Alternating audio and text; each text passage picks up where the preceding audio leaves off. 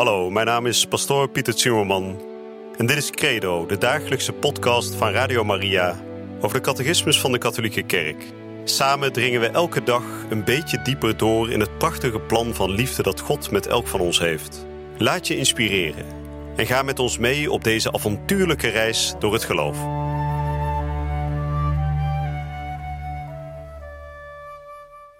Vrienden, van harte welkom terug bij deze nieuwe uitzending van Credo, de dagelijkse podcast hier bij Radio Maria. We zijn volop bezig met steeds dieper door te dringen in dat wonderlijke plan dat God met elk van ons heeft.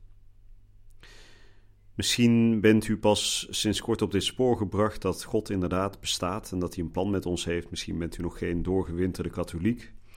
Maar of u nou al heel veel over God hebt gelezen of gehoord, of u hem al goed kent en echt een levende relatie met hem hebt, of dat u misschien pas net komt kijken, het maakt niet zo gek veel uit, want uiteindelijk is dat plan een plan wat ons allemaal aangaat en waar we allemaal steeds dieper in kunnen doordringen. Dus of we nou een geloof hebben dat nog in de kinderschoenen staat, of een geloof hebben dat al in een leven lang is gepokt en gemazeld, uiteindelijk blijft die ontdekkingstocht samen met God iets wonderlijks houden. God is oneindig en daarom kunnen we ook altijd oneindig ver in Hem door blijven dringen. En we weten, we hebben daar de afgelopen weken volop over gesproken, we kunnen God alleen maar kennen als God het ons openbaart. God heeft ons een vrije wil gegeven, hij heeft ons een verstand gegeven, juist om Hem te kennen en Hem te volgen. En op het moment dat God ons niet verlicht om Hem te kennen, zal ons verstand duister blijven. En daarom zullen we vandaag weer zoals gebruikelijk openen met gebed, zodat God ons inderdaad deze inzichten mag schenken. Dat Hij ons hart en ons verstand mag verlichten om te zien wat Hij van ons vraagt. We gaan, vandaag uh, spreken over het begrip de zichtbare wereld. We hebben de afgelopen dagen gesproken over de onzichtbare wereld die God heeft geschapen. De wereld onder andere van de engelen, de hemelse realiteit waarin God woont, die we niet kunnen zien, maar waarvan, we wel weten en geloven dat die bestaat. En vandaag gaan we het dus hebben over de zichtbare wereld. Maar we zullen het eerst, um, we zullen eerst deze podcast openen met gebed. In de naam van de Vader en de Zoon en de Heilige Geest. Amen. Heer Jezus Christus, wij hoeven onze ogen maar te openen om te zien dat U een schepping hebt gevormd die wonderlijk is. Als wij op een mooie zomerse dag door de bergen lopen en we kijken om ons heen naar alle natuurpracht, dan kan, dan kan die fundamentele vraag in ons opkomen: hoe is dit alles ontstaan? En die vraag die zal uiteindelijk onherroepelijk uitkomen bij U. U bent de schepper van het al. U bent de schepper van de onzichtbare wereld, maar ook van de zichtbare wereld. U bent degene die alles heeft geordend in een bepaalde mate en in een bepaalde harmonie, die ons verstand vaak te boven gaat. Maar verlicht door uw genade kunnen we dat toch beetje bij beetje steeds beter begrijpen. We ontdekken dat er wetten in uw natuur zitten. We ontdekken dat er een goddelijke harmonie en een goddelijke orde in de natuur is gelegd. En daarom willen we vragen dat u, schepper van het al, ons vandaag begeleidt op deze dag, om uw handtekening in uw schepping te herkennen en u zo meer te gaan beminnen. Amen. En ik lees voor de nummers 337 tot en met 343. De zichtbare wereld. Het is God zelf die de zichtbare wereld in al haar rijkdom, diversiteit en orde geschapen heeft.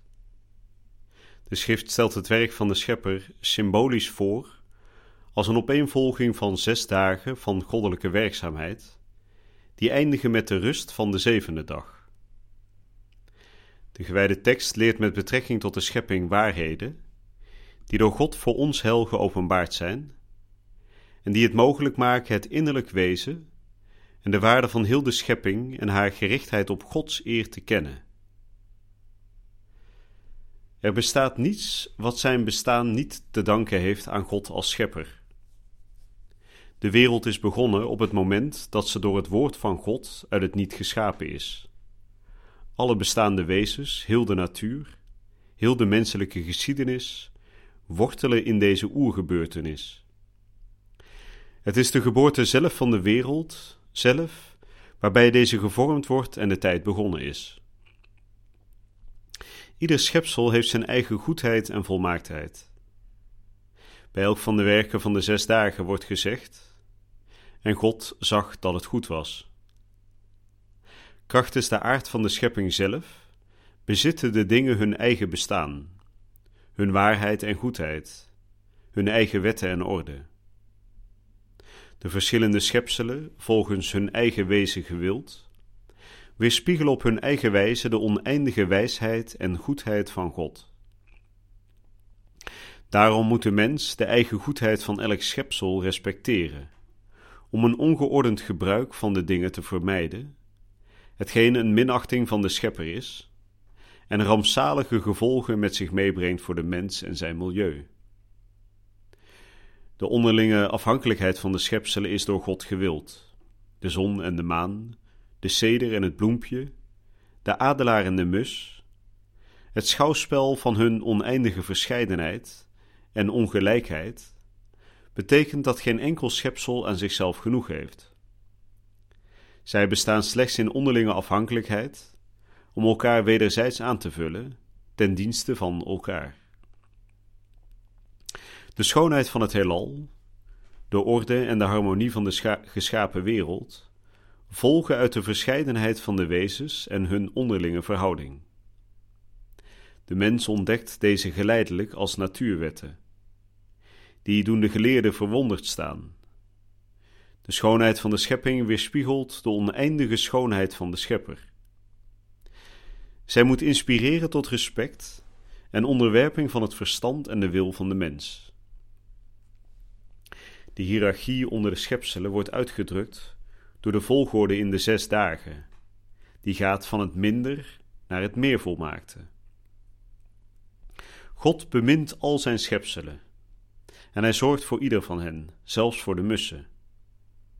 Niettemin zegt Jezus: Gij zijt meer waard dan een zwerm mussen. Of ook: Wat betekent nu een schaap vergeleken bij een mens?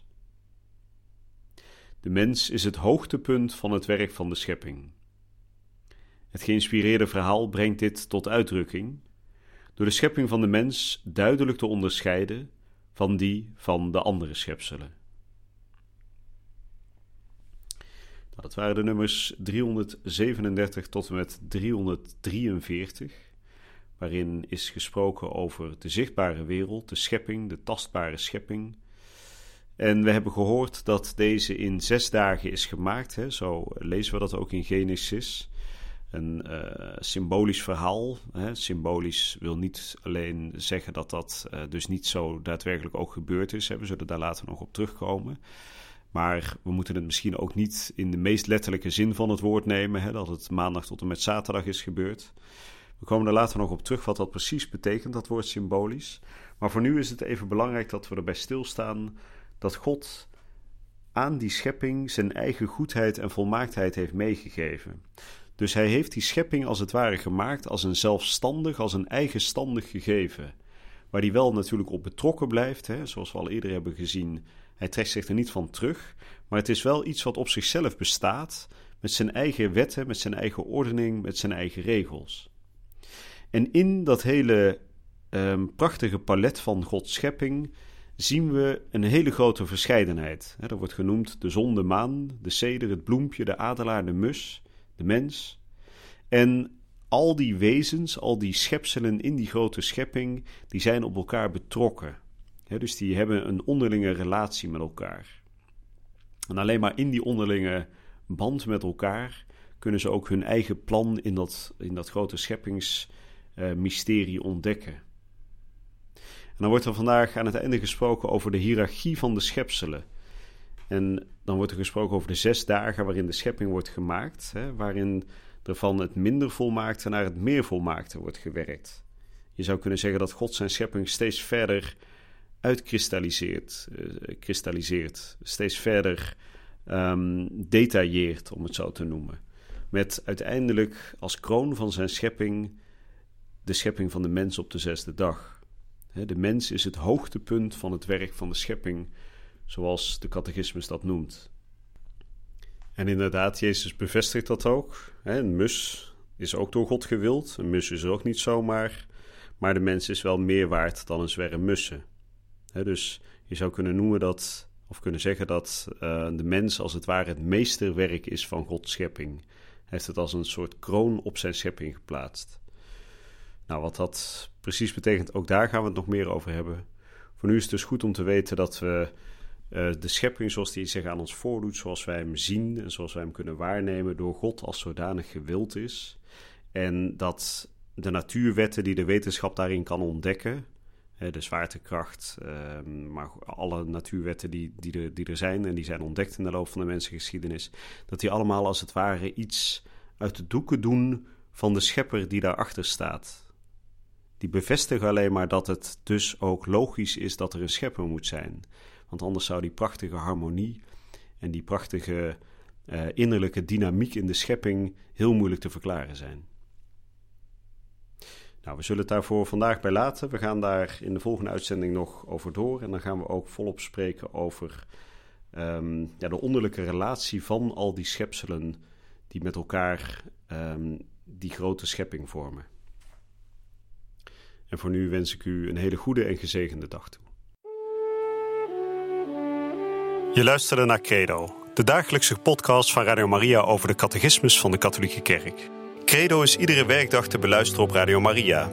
Maar je kunt de afleveringen ook in je eigen tempo terugluisteren op onze website, in de app of op Spotify en de andere platforms.